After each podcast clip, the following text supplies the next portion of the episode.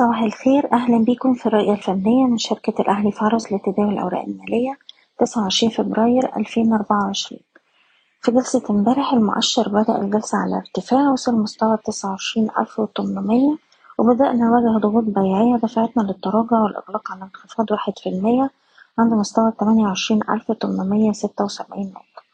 للجلسة التانية المؤشر بيحاول يخترق مستوى مقاومته تسعة وعشرين ألف وستمية وستين وبيطلع فوق المستوى ده في أثناء الجلسة لأن القوى الشرائية مبتقدرش تأكد الاختراق ده وبيبدأ المؤشر يواجه ضغوط بيعية عنيفة في النص التاني من الجلسة.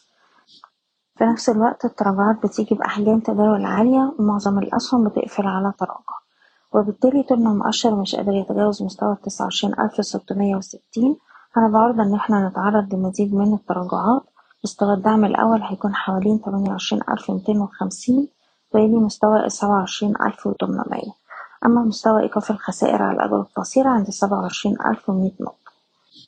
كنا نصحنا على مدار الأسبوع ده إن أي محاولة للارتداد هي فرص لتخفيض المراكز وغلق مراكز الشراء بالهامش حتى يتمكن المؤشر من تأكيد اختراق مستوى التسعة وعشرين ألف ستمية وستين.